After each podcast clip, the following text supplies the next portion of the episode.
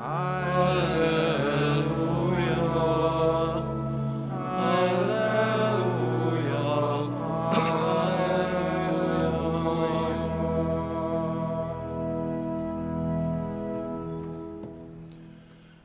Úr legyen veletek. És a te lelkeddel. Evangélium Szent János könyvéből. Dicsőség neked, Istenünk. Nagypénteken Jézus keresztje mellett ott állt anyja, valamint anyjának nővére Mária, aki Kleofás felesége volt, és Mária Magdolna. Amikor Jézus látta, hogy ott áll anyja és a tanítvány, akit szeretett, így szólt anyjához. Asszony, íme a te fiad. Azután a tanítványhoz szólt, íme a te anyád. Attól az órától fogva házába fogadta őt a tanítvány. Ezek az evangélium igéi.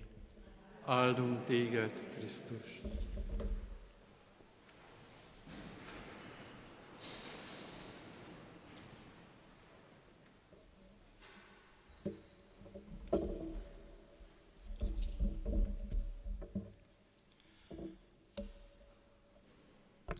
Krisztusban, kedves esvereim, életünkben vannak meghatározó helyek és, és történések, időpontok, amely nagyon szinte beleég az embernek a szívébe, emlékeibe, és nem tudja elfelejteni.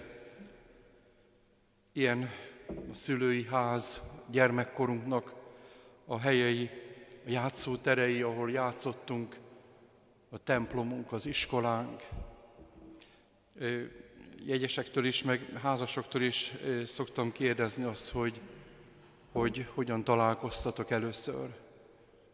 És annyira érdekes az, hogy házaspároknál ugyan 30 éves távlatban is még a férfi is tudja pontosan azt, hogy milyen ruha volt a, a, az ő kedvesén, hogy amikor először, először történt az a nagy találkozás. Természetesen vannak nehéz ilyen helyek és események, amitől szeretnénk szabadulni is. Most a apostoli cselekedeteket, cselekedetet olvasva említést tesz Lukács evangélista az emeleti teremről. Azt írja le, hogy a Getsemáni kertből visszajöttek mikor Jézus fölment a mennybe, visszajöttek eh, Jeruzsálembe és, és az emeleti terembe jöttek össze, hogy imádkozzanak. Valószínűleg ez a ház Márk édesanyjának volt a háza, aki akkor még nagyon fiatal volt, de később ő lett az egyik evangélista. És ez nem csupán egy eseménykor volt fontos, hanem ez volt az utolsó vacsorának a helye is. Jézus az emeleti terembe mutatta be a legszentebb áldozatot.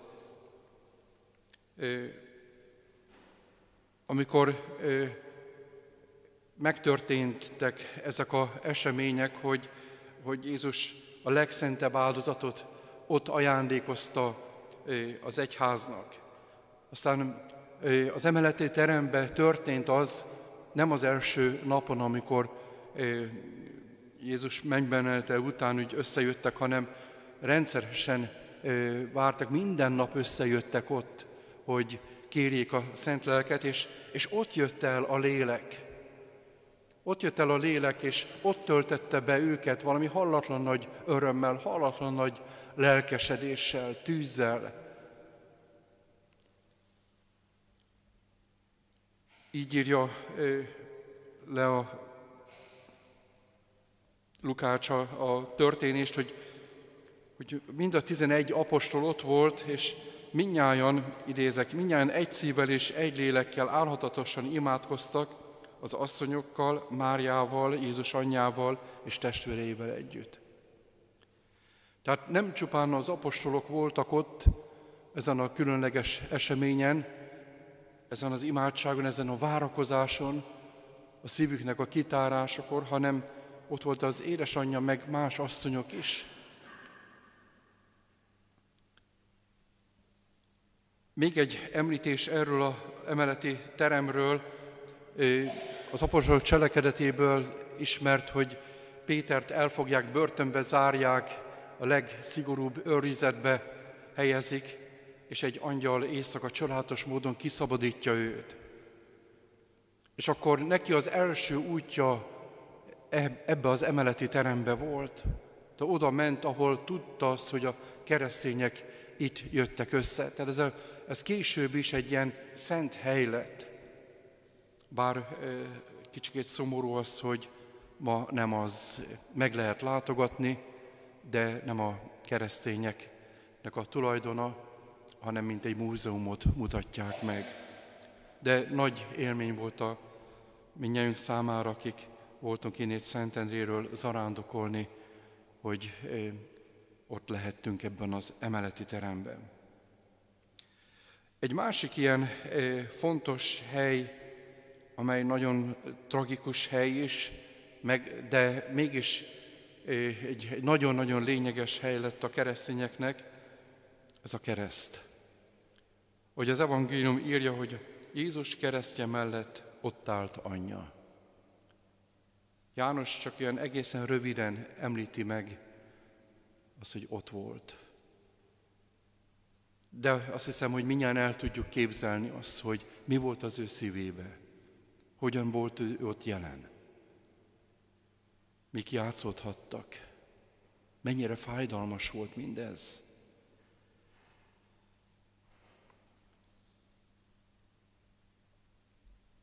Két nagy misztériumnál Mária ott volt, a kereszt mellett ott volt, és az emeleti teremben. Sőt, ahogy már említettem a bevezetőben, hogy, hogy neki a Szentlélekkel való kapcsolat az már Názáretben megtörtént, hiszen őtőle foganta az életet.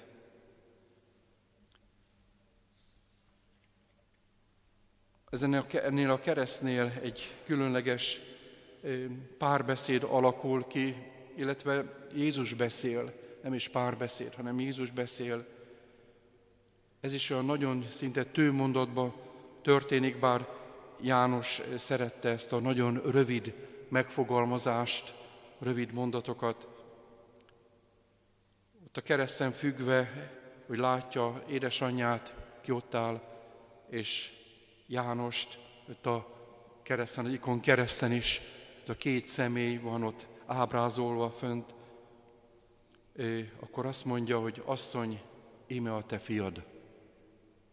És Jánoshoz fordulva íme a te anyád.